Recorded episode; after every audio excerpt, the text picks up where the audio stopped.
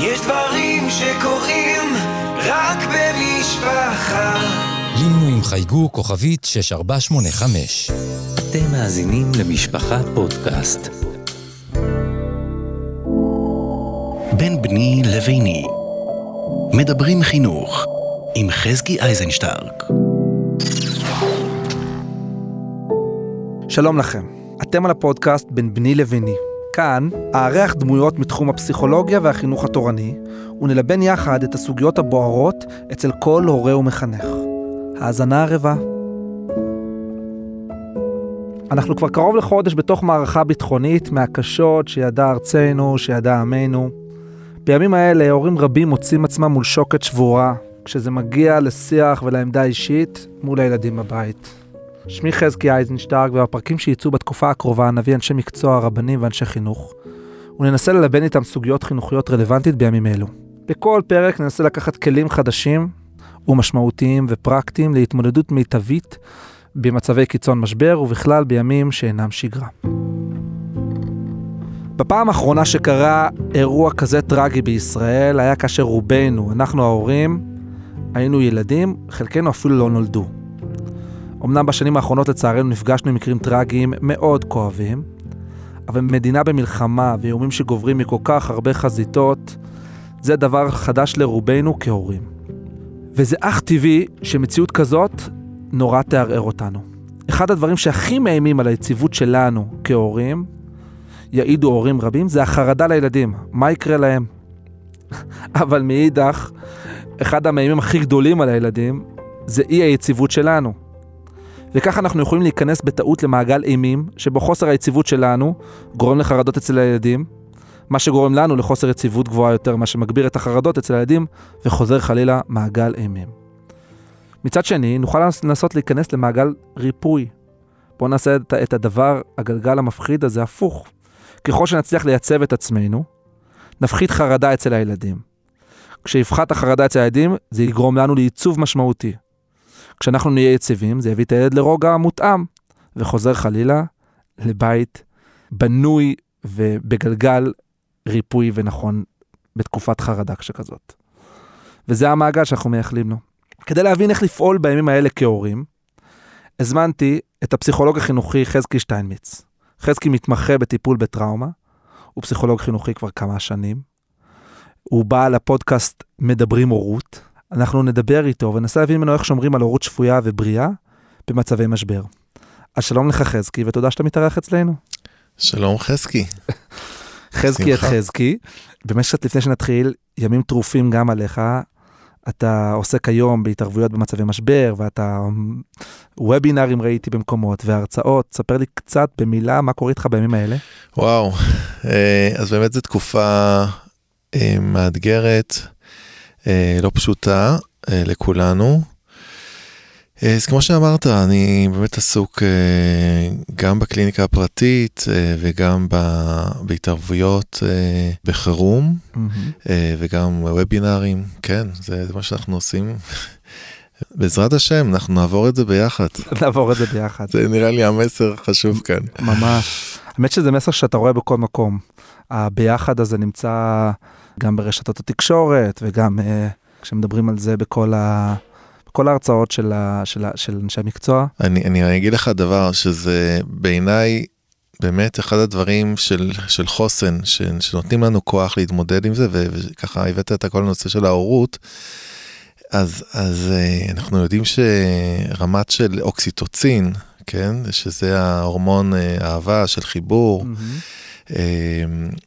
עולה ברגע ש, שיש יותר אחדות, שיש יותר וואו. חיבור, שיש יותר נתינה, יותר עזרה לזולת, התנדבויות. אם יש סביבי בשכונה יותר אחדות, אז הורמון האוקסיטוצין גובר אצלי. ממש, והאוקסיטוצין הזה, זה בעצם עוזר לנו להתמודד עם הלחץ, עם, ה... עם החרדה. קורטיזול, עם החרדה. אז זה ממש מביא אותי לשאלה הראשונה, קצת מביא אותי לשאלה הראשונה, כי באמת אני הורה שנכנס לאי ודאות ענקית. ואשתי, והיא גם כן נמצאת בחרדות, ואנחנו, הפחד הראשון שלנו בתוך החרדה, היא החרדה מזה שאנחנו מעבירים את החרדה לילדים. Mm.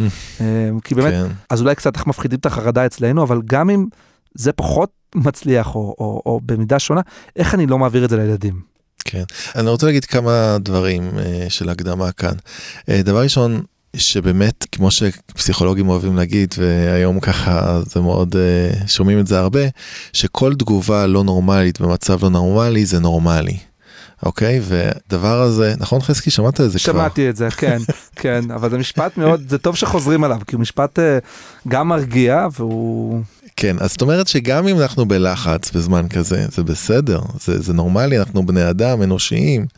אנחנו כהורים בני אדם אחרי הכל, ו, וכן, אנחנו לפעמים בלחץ. איך אמר לי פעם אה, אה, מישהו ש, שהוא היה ככה מול הילדים קצת יותר בלחץ, והוא הרגיש ככה רע עם עצמו, ו, וזה בסדר, זאת אומרת, זה, זה באמת, אני רוצה להרגיע את כל ההורים. אנחנו כולנו בתקופה כזאת, זה באמת, אנחנו גם עושים הכי טוב. הפסיכולוגים, גם אתם גם הפסיכולוגים. פסיכולוגים נכנסים יכולים להיות בחרדה, כן. אז אנחנו נעשה כל מיני דברים בשביל לעזור לעצמנו להיות ברמה סבירה ורגועה יחסית. אמ, אבל, אבל שיש זמנים מסוימים ורגעים מסוימים שיש יותר חרדה ויותר חוסר אונים, זה קורה לכולנו, זה באמת אנושי ונורמלי. אמ, וגם, וגם אם ילדים ראו את זה, אז בסדר. אז זה עובר אליהם? זה כן עובר אליהם, נכון? אז איך את זה אני לפחות מפחית? הילדים מסתכלים עלינו איך אנחנו מגיבים.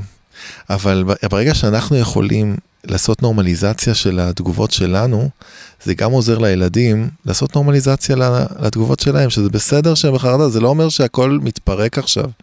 זה לא אומר ש- שאנחנו בחוסר אונים מוחלט, לא. אז לא, לא בהכרח נצליח למנוע מהם את החרדה, אבל נצליח להעביר להם את ההתמודדות הנכונה כשמגיע איזושהי פחד, ולא לא הכל מתפרק. תראה, אבא, אבא מקבל את עצמו בחרדה ומחבק את עצמו ונרגע. נכון. אז גם אתה, כשמגיע לך בלילה ולא נרדם כל כך, ויש לך את הפחדים שלך, לא- קודם כל לא. להיבהל.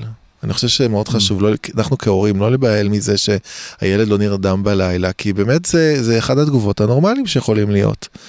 ואנחנו נעבור את זה ביחד, ההורים עם הילדים וההורים עם, ה- עם המודעות שלהם, של ההורים, שהם יכולים להגיד שזה בסדר. זה בסדר. אנחנו, יש לנו חמלה, חמלה עצמית, זה בסדר, ואנחנו נעבור את זה, וביחד עם זה נעשה כל מיני דברים שיכולים לעזור לנו. להרגיע קצת. ו- ואני רוצה להגיד עוד משהו, כן, שמשהו מאוד מאוד עוזר, ואני גם ראיתי את זה ככה ב... אני חושב שהממשלה ככה עשה נכון, שהיא הכניסה בחזרה את המסגרות החינוך אה, לפעול, מהמם. יחסית אה, מהר, ככה שגם ההורים יוכלו להמשיך לעבוד ולחזור לשגרה. אני חושב שאחד הדברים שמאוד עוזר לנו בהתמודדות עם החרדה זה השגרה. זאת אומרת, זה שאנחנו רואים שהעולם נורמלי, שקמים בבוקר ויש אה, ארוחת בוקר ומסדרים את הסנדוויצ'ים לילדים ורצים מהר להביא אותם. השגרה הזאת היא מבורכת. היא מבורכת בשבילנו כהורים כי זה מרגיע אותנו ואנחנו יוצאים החוצה ורואים את האנשים רגילים, נוסעים. אנחנו חיים באיזה, יכול להיות שאנחנו באיזשהו בו- בועה. אבל בסדר, אבל זה מאפשר לנו לחיות בתוך הבועה הזאת, בתוך המסגרת שאנחנו נמצאים בה. אמ, ואני חושב שהשגרה זה דבר ממש מבורך. מעניין. יש לנו באמת. פריבילגיה, אני מדבר עם אנשים בחוץ לארץ, שמדברים על, על הרגשה של אני חייב להמשיך בשגרה, למרות שהלב שלי שותת דם, כי אמריקה, כולם שם חיים רגיל. לנו, אנחנו יכולים לנסות להמשיך בשגרה, אבל אנחנו עדיין... לא, לא, לא, לא נברח ולא לא נהיה נכון, באיזה... נכון, אני ככה רק אה, אני, אני אגיד ש, שאחד ה... כן, המטופלים שאני ככה מארצות הברית, אז ההורים שלו אומרים לו ש, ששם זה נשמע נורא ואיום, זה באמת נורא ואיום, כן. אבל, אבל בסך הכל הוא אומר כאן, אני לא רואה שום מלחמה, הכל בסדר. נכון. אה, אנחנו, אנחנו מדברים אחרי הכל בירושלים שיחסית זה אה, יותר רגוע. נכון, חזיתות הדרום אה, והצפון, אפילו ויש המרכז. הם- צפון ודרום ששם יש יותר, יותר מתח, יותר לחץ, גם השגרה יותר נפגמה שם. אה, שבהחלט אה, משפיע גם כן על רמת החרדה של ההורים. אה, אבל גם ביחד אה, עם זה יש את ה... אולי אה, באמת דרך הטלפון שהם עושים שיעורים שם, כן. וגם בזה, ויש לנו- שעות מסוימות. אז כמה שאפשר באמת לחזור לאיזה שגרה, זה באמת משהו מבורך. אני יכול להגיד שבאמת אחת המסגרות החינוך החרדים שהתחילו את המסגרת שלהם כבר ביום שני, מיד אחרי וואו. שמחת תורה. אז זאת אומרת שהשגרה שלהם ממש התחילה מוקדם, ובאמת זה, זה משפיע על ה... נפשית, זה נתן את התחושה שאנחנו ממשיכים הלאה, שאנחנו כן, לא הלאה, אבל תוך כדי אנחנו... כן. אה, מבחינה. פסיכולוגית לפחות, כן? אה, כן. אז בעצם מה שאנחנו מדברים, השגרה עוזרת לנו כהורים, מה שעוזר לנו באמת נורמליזציה של הרגשות, אוקיי? זה, זה שני הדברים אה, מאוד מאוד מרכזיים, אני חושב. אם נחזיק אותם, גם אם ניפול לכיווני חרדה, אנחנו מצליחים להחזיק את האי העברה המסוכנת של חרדה לילדים. כן. זה נכון להגיד. אני רוצה להגיד עוד משהו שאנחנו מהמם. יכולים לעשות כהורים. אמרתי מקודם בועה, ולפעמים בועה זה, זה, זה קונוטציה שלילית. כן, אני חושב שבמצב הלא נורמלי הזה שאנחנו נמצאים בה, אז תיכנס לבוא, בוא נתנתק אז, קצת. אז כן, אני לא חושב שכל החדשות צריך להעביר לילדים. Mm, אוקיי, גם כתבתי, דיברנו על זה מהמם. והעברתי את זה ל- לא מעט. אנחנו צריכים לסנן, כמו שאנחנו מסננים אה, אינפורמציה מהאינטרנט כדי שהילדים שלנו לא, לא יינזקו, וגם אנחנו, כן, אנחנו עושים סינונים. אז, אז אני חושב שזה חשוב גם לנו לעשות סינונים. לעשות סינון, מה, מה נכנס, מה לא נכנס. כן, מדברים הרבה על המלחמה הפסיכולוגית של האויב, כן? אז אנחנו לא צריכים לשתף פעולה עם זה, ברור, כן? ואנחנו אנחנו צריכים לסנן. חזקי, באופן ברור, חשיפת יתר לסרטונים מזוויעים, זה היא ברור. דבר לא טוב לך?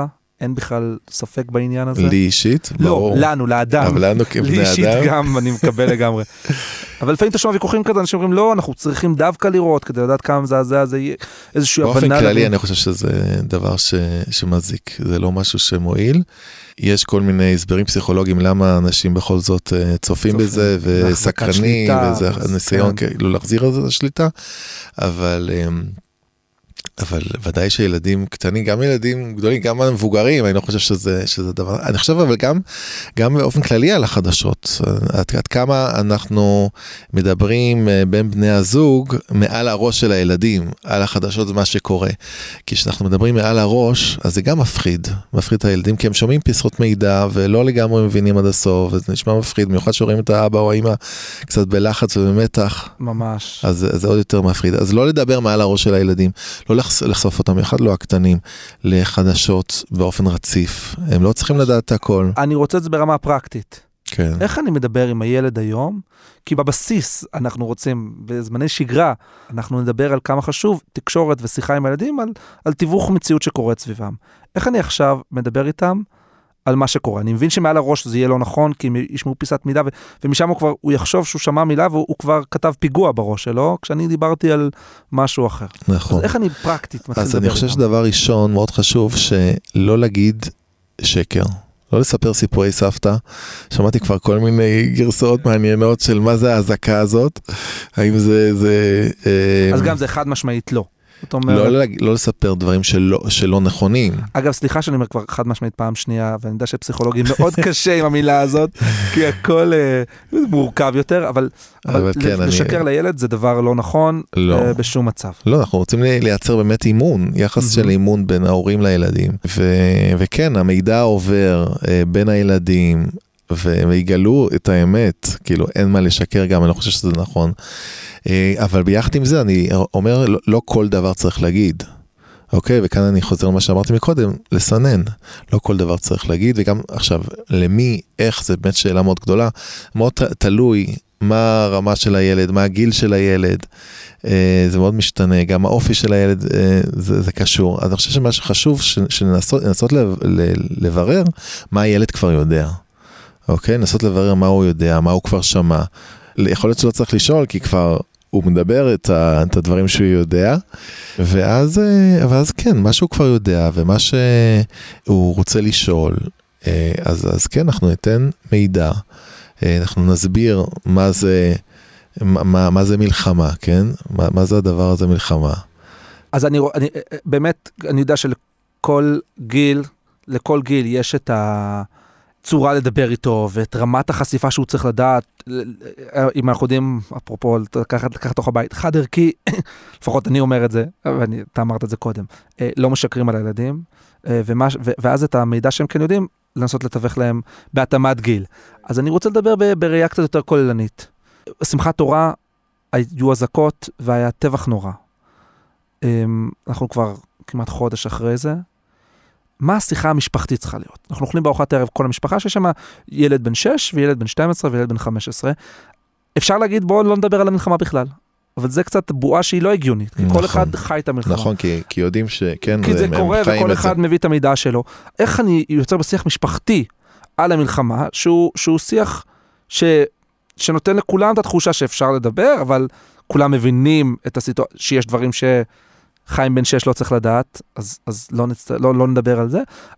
איך אני מנרמל את השיחה הזאת? בראייה משפחתית נגיד. אני חושב שבראייה המשפחתית, אז אנחנו נדבר משהו כללי. אנחנו לא ננסה להיכנס ליותר מדי פרטים, אלא אם כן, זה, זה הנושא. אז מה תהיה האמירה הכללית על המלחמה? אוקיי, אז מה זה מלחמה? אמ, אז אפשר להסביר לילדים שיש אויבי ישראל, אה, אפשר להגיד אה, שזה חמאס. אה, שוב, באמת מאוד השתנה לפי הגיל ומה הם יודעים, מה לא יודעים, אבל כן. באופן כללי, הם הרגו, הם עשו דברים נוראים, חלקים מעם ישראל, זה היה בדרום, זה קרה בשמחת תורה, בעקבות זה מדינת ישראל, עם ישראל, נלחם נגדם כדי לחסל את האויב, ונכנסו עכשיו לעזה, ובעזרת השם אנחנו אה, נעבור את זה וננצח את המלחמה הזאת. והחלק שלנו במערכה זה להתפלל על זה? כן, אני חושב שאנחנו כ, כדתיים, חרדים, אני חושב שמה שבאמת אה, צריך להיות אינטגרלי במסר שלנו לילדים, זה באמת הדברים שאנחנו יכולים לעשות שזה בשליטתנו. אוקיי, מה, מה בשליטה שלנו ומה לא בשליטה שלנו. אוקיי, מה, מה יהיה ומה התוצאות אנחנו לא יודעים. אוקיי, בעזרת השם מקווים לטוב, בעזרת השם יהיה טוב. אנחנו יודעים שיהיה טוב, בעזרת השם זה כן. אבל אה, מה אנחנו יכולים לעשות בתוך המרחב הזה של שליטה? אה, אז כל הדברים הרוחניים שאנחנו יכולים לעשות, אם זה תה- להגיד תהילים, אנחנו חלק, ללמוד, ו- ואני כאן אני רוצה להדגיש, במקום לתת את ההרגשה לא נעימה לילדים וזה שהם לא אולי עושים מספיק, או יהיה להם כן, רגשי בגללך אשם, קורה מלחמה כי רבת עם אחותך. בדיוק, אז, אז לא להיכנס לשם, אלא אני חושב שהדברים טובים שהם כבר עושים, לציין את זה שאילו זכויות שיעזרו כאן במ- במלחמה. אה, כל הכבוד שלמדת טוב היום, בעזרת השם שזה יהיה לזכות, ו, והתהילים שאמרת, פחות אה, לדחוף אותם עכשיו מת- מתוך לחץ ככה לעשות אה, דברים אה, רוחניים. עם ישראל כבר עושים המון המון דברים טובים, אנחנו לעודד את הדברים הטובים, את הרוחניים ואת ה, את העשייה החיובית והרוחנית, אה, וזה בשליטה שלנו, אוקיי? זה משהו שאנחנו יכולים לעשות. אוקיי? יש לנו גם חלק במערכה הזאת. אוקיי? המערכה לעזור לעם ישראל במלחמה הזאת. אז הדגשה כאילו נקרא לזה להיות פרקטיים. הפרקטיקה היא לדעת מה רלוונטי בידיך ומה... כי אני אגיד לך, אני-. כן, כי, כי, כי חלק מהחרדה שיש לנו, חלק גדול, זה החוסר אונים, אוקיי? מ, מ, מאיפה שאנחנו נמצאים ומה יהיה. אני ככה הצגתי את זה גם לאנשי חינוך וגם אה, בטיפולים, לפעמים אני ככה אה, מציג שיש, אנחנו מציירים איזה עיגול, כן. אוקיי? בתוך העיגול אנחנו עושים כל הדברים שיש לנו שליטה עליהם. Hmm. ומחוץ לעיגול אנחנו שמים את כל הדברים שאין לנו שליטה. אוקיי, אז מה שאנחנו נמצא, אם נעשה ככה איזה סדר של הדברים. אז בתוך העיגול אנחנו נוכל לשים את, העשייה שלנו. כמובן שלדאוג לעצמנו לקום בבוקר לקום בזמן, וללכת בבוקר, לעבוד, ולשמור על השגרה. נכון, זה דברים שאנחנו יכולים לעשות. בעצם אנחנו נמצא שם כל מיני דברים של הווה, דברים שאנחנו יכולים לעשות את זה בהווה, כן. בכאן ועכשיו. אוקיי? להתנדב, לעזור למישהו, להכין אה, משהו למישהו אחר. כן? זה שזה, דיברנו מקודם על האוקסיטוצין הזה. אז, אז זה דברים שאנחנו יכולים לעשות, ויש לנו שליטה. אוקיי? כל הדברים שאנחנו יכולים לעשות, להכניס לתוך המעגל הזה של, ה, של, של שליטה, וכל הדברים של, של מה שהיה, שאין לנו כבר שליטה על העבר, אוקיי? מה שקרה בשמחת תורה, זה היה, קרה. קרה. אנחנו מתמודדים עם זה, אבל זה לא בשליטה כבר. וגם הדברים של הדאגות שלנו, הרבה מהדברים האלה לא בשליטה שלנו, כן. ואנחנו לא החרדה. מתפללים ומקווים, בעזרת השם, אנחנו נעבור את זה וזה- ויהיה טוב. Hmm. כן, בעזרת השם. אה, אבל אנחנו לא יודעים, אנחנו, יש איזה ערפול. והכל מה שאנחנו לא יודעים, וכל מה שלא בשליטה, נשים את זה מחוץ למעגל. ולא להתמקד בזה. זה יגיע, ולתת לזה... מתי שזה יגיע, זה יגיע. אנחנו לא מתמקדים בזה. כי אם אנחנו מתמקדים בחוסר אונים, אז אנחנו מציפים את עצמנו יותר בחרדה, יותר בחוסר אונים. וזה מחליש אותנו. לכן אני חושב גם כן אה, הרבה פעמים שבאמת הסרטונים הז- הזוועתיים הם, הם מחלישים בגלל שהם מה אתה יכול לעשות עם זה? בדיוק מה אתה יכול לעשות עם זה זה, זה רק מביא לנו את החוסר אונים ואין לנו שליטה על זה. אוקיי אז לכן לעשות דברים של שליטה אז גם הסינון זה גם דברים של שליטה. כן, אוקיי? שאנחנו מסננים ואנחנו מייצרים את הבועה שלנו, הבועה של הבית שלנו, את המרחב בבית, שיהיה בטוח, שיהיה יציב, שיהיה סדר. הסדר מאוד חשוב, השגרה מאוד חשוב. קמים בבוקר, גם באזורים ש, שאין בתי ספר באופן רציף.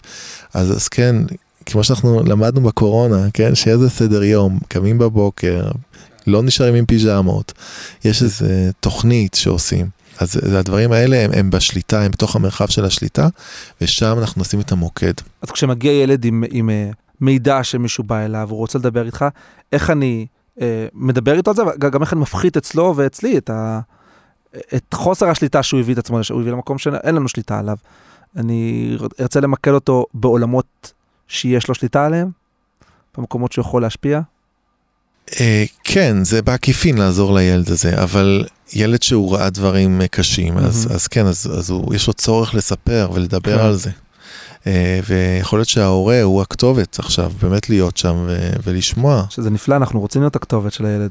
כן, אם הוא כבר מגיע והוא מספר, אז, אז להיות שם ו- ולשמוע מהמם. ולהדהד באמת את החוויה, החוויה, את הרגש שיוצא, שיוצא מתוך ה... לשמוע את מה, מה הוא בעצם מרגיש, הוא מספר, אתה רואה שהוא מרגיש כאב או שהוא מרגיש פחד, אז להגיד לו, מה, אני רואה פחד? אני רואה שאתה מפחד, חמודי? אה, כן, אפשר לשקף את זה, שאני, שאני רואה שאתה מפחד, אני מבין שאתה מפחד, או לשאול אותו מה אתה מרגיש, מה, מה, זה, מה, זה, עשה, מה זה עושה שראית, שצפית בסרטון הזה. עכשיו, גם, גם לא, לא בהכרח צריך לספר את כל מה שהוא ראה בסרטון, אבל יותר לתת תוקף לרגשות, תוקף למה שהוא הרגיש, מה הוא חווה שם. אה, עצם זה שהוא לא לבד עם זה, כי הרבה מהצרות שלנו והמצוקות שלנו שאנחנו לבד עם זה. ושאותו ילד, כן, הוא ראה את הדבר והוא היה לבד, או שהוא הוא בחוויה שלו היה לבד. כן, אחיו הגדול הראה לו את הסרטון, אבל הוא עדיין כן, בחוויה לבד. בדיוק. הוא חייב, והוא לא יכול לספר לאף אחד, והוא, כאילו, זה נורא מדי בשביל לספר. אז, אז אם יש לו את ההורה שיכול לספר את הדברים, אז, אז זה מרפא, זה עוזר לו. זה עוזר לו להתמודד עם זה. עכשיו, אני רוצה גם להגיד עוד משהו בהקשר אה, מתבגרים הרבה פעמים, שזה, יש להם את היצר הסקרנות מאוד, כן. ולפעמים חוסר אה, יכולת אה, או קושי להת- להתאפק ולדחות סיפוקים. אתה גבר גבר, שאתה... את ראיתי. ואני יודע, בדיוק. וכן. אז, אז אני מציע כאן באמת לקיים איזה שיח עם המתבגר, ולא בהכרח ישר להגיד, לא, זה אסור וזה לא בסדר וזה רע וזה, כמו שאמרתי בהתחלה. עם המתבגר צריך, צריך באמת להבין ש, שיש כאן, יש כאן אה, מורכבות, זאת אומרת, יש כאן, אה, יש סיבה למה הוא מחפש את זה, אוקיי? זה, זה להיות חלק מהחבר'ה, זה, הוא, הוא מגבש את הזהות שלו בגיל ההתבגרות, אז הוא, אז הוא צריך להיות אה, גם, כן, הוא מרגיש כאילו אה, חזק, שהוא, יש לו אומץ, או כל מיני סיבות כאלה, וזה סיבות אה, הגיוניות. אפשר להבין את זה. כן, גם אנחנו היינו מתבגרים, כן, גם אנחנו רוצים להיות עם החבר'ה ולדעת ולהיות החכם. ויש סקרנות טבעית, כן? אז, אז, אז כל החלקים האלה של הסיבות למה כן זה קיים. אז אני, אני, אז כהורה אני יכול להגיד, אני מבין שזה מסקרן, אני מבין ש, שזה ככה, זה ככה בעניין של החברים, ו, ו, וזה מובן, זה באמת אבל? מובן. ההורה יגיד גם את המילה אבל, כי כשאתה אומר אבל ביטלת את כל ההקדמה. אז לא, אני אשאל אותו, ומה אתה חושב, ומה מה, מה זה עושה ל- לרגשות שלך? האם זה, האם אתה מרגיש טוב עם זה אחרי שראית את זה? אותך, זה מועיל. זה עוזר לך, זה מועיל לך להתמודד עם ה... אם יש פחד, שהוא יכחיש שיש לו פחד, כן. כן. אבל, כן, אז, אז, אז כן לאפשר איזה שיח כזה. אה, וזה אופציה יותר טובה כדי לאפשר איזה חשיבה נוספת עבורו. לנער. לנער הזה, ואז הוא כן. יחליט לבד, כן, אנחנו רוצים לתת לו את הבחירה. הוא יראה, אוקיי, יש כאן השלכות גם כן. נכון שזה מסקרן, יכול להיות שזה נותן לי נקודות זכות בחברה שאני נמצא, אבל גם יש לזה השלכות שליליות, יש כאן משהו כל כך אחר. קשה לסמוך על נער בגיל הזה שהוא יעשה את ההחלטה הנכונה. אבל לפעמים אין לנו ברירה, אנחנו יכולים לפתוח לו את החשיבה. אנחנו יכולים, אם יש שיח טוב בין ההורה לילד, אז כן, זה זה הדבר הנפלא, שאם נוכל לקיים שיח כזה, הרבה נערים לא יהיו פתוחים לשיח כזה, אבל, אבל בזה שאנחנו יכולים להיות רגישים ולתת גם הבנה ולהבין גם את המקום שלהם, זה מאפשר להם גם להיות פתוחים, לשמוע גם כן עוד דברים. ושהם יחשבו, יתחילו לחשוב מה, מה עוד יכול להיות, או איזה השלכות יש לזה. אז אני, אני רוצה, קצת לקראת סיום, לחזור לשם של הפרק הזה. אנחנו מדברים על הורות בצל משבר. אוקיי. מה, מה התפקיד ההורי בצל המשבר? מה, מה המקום שלי כהורה? אז אני, דיברנו קודם על, על, כמובן על השגרה ועל הנורמליזציה להתנהגויות לא נורמליות בתקופה כזאת. איפה, איפה עוד אני, אני מבטא את ההורות המשמעותית שלי? כי עכשיו ההורות שלי היא הורות אחרת, רלוונטית בצורה אחרת לילדים. כן. ולי. אז, אז אני חושב שהנוכחות שלנו מאוד מאוד חשובה. Mm. במיוחד לילדים קטנים, גם למתבגרים אגב. לפעמים אנחנו חושבים הם מסתדרים, הם לא, הרבה פעמים לא. כן, אנחנו הם צריכים... צועקים להיות- לנו שמסתדרים, אבל... אבל- כן, באמת אנחנו צריכים להיות נוכחים, ובזה שאנחנו אנחנו מר, מראים להם דרך איך מתמודדים עם החוסר אונים הזה ועם ה, ו, ו, ומה אנחנו עושים כדי לעזור לעצמנו, להיות נוכח, נוכחים, גם אם יש חרדה, לתת תוקף לזה, לשקף להם את מה שהם uh, מרגישים, וגם uh, להיות שם, פשוט להיות שם, במיוחד עם ילדים קטנים, אנחנו צריכים להיות שם איתם בחוויה הזאת, ולעבור את זה ביחד איתם. להיות ביחד איתם, אני חושב שזה זה חשוב, אנחנו, אנחנו כבני אדם, אחד הדברים שמאוד מאוד עוזר לנו לעבור את התקופה זה היחד, אמרנו את זה בהתחלה, כן. אני אומר את זה עוד פעם, זה טוב, זה נכון, זה כל כך... היחד, שההורים יכולים להיות עם הילדים, זה הזמן. להיות איתם, להתקשר, גם עם בחורים שנמצאים בישיבה, אז, אז יש להם את היחד שלהם, כן. ואני חושב שזה ממש נפלא, המקום שיש להם את היחד שלהם, אבל גם לא לשכוח, להיות בקשר איתם, להרים טלפון, לא מתוך לחץ, לא מתוך חרדה, אלא באמת מתוך קרבה ואהבה, אהבה גדולה. אולי מסר אופטימי שאני שומע פתאום עכשיו ממך. אנחנו בזמני שגרה מדברים על קשר ועל יחד ועל דברים שאנחנו רוצים. אולי דווקא הזמן הזה הוא פוטנציאל גדול יותר ליצור את הקשרים האלה, ליצור את הביחד הזה, ו- ואנחנו נצא, מה שנקרא מחוזקים, PTS growth, פוסט טראומה של, כן. של, גב- של גדילה, צמיחה, של צמיחה, זה משהו צמיחה שהוא, שהוא נכון. יש לנו זמן דווקא לנצל, בטח, זה הזמן. בטח, זה הזמן לנצל, אה, גם אחרי זה בעזרת השם, אבל, כן. אבל אה, כן, למצוא את הנקודות חוזק שלנו, ולהאיר את הנקודות חוזק שלנו כעם ישראל. Mm, אוקיי? אם זה האחדות, אם זה העשייה הטובה שלנו, באמת אנחנו, אין עם כמו עם ישראל. כמו עם ישראל, כן. אנחנו רואים את זה בתקופה הזאת, אנחנו- הקדוש ברוך הוא. הבטיח לנו את זה מאז ומעולם, הוא בחר בנו בגלל היופי הזה. ממש, נכון. ממש, ממש, ו- ולחזק את זה ולהמשיך את זה. גם בתוך הבית, אני יכול להגיד שבאמת תקופה של לחץ וחרדה זה מייצר הרבה פעמים מתח בבית, גם בין בני זוג וגם בין הורים לילדים ומתבגרים. זה הזמן לקחת נשימה עמוקה. ו- ולעבור את זה ביחד, להיות, להיות טובים אחד לשני, להיות אנושיים, נחמדים, להיות הכי עם ישראל שיכול להיות. אנחנו מתחילים עם זה שבאמת הורים בחרדה ומפחדים לעשות טעויות משמעותיות, או, או מסוגלים ולא יודעים איך להתמודד עם זה, אז, אז זאת חובה שלהם להיות הורים, אבל זה גם זכות גדולה והזדמנות. זה לא רק משהו מלחיץ התקופה הזאת, הוא גם כן טומן בחובו פוטנציאלים גדולים של, של אחדות, של קשר. אני חושב שבאמת ה- הערכים שלנו כיהודים, זה יכול להיות, זה, זה תקופה כזאת שיכולה להתחזק הרבה יותר. וואו. וזה זמן של אה, באמת אה, להעביר את המסרים האמיתיים שלנו כעם, כעם ישראל.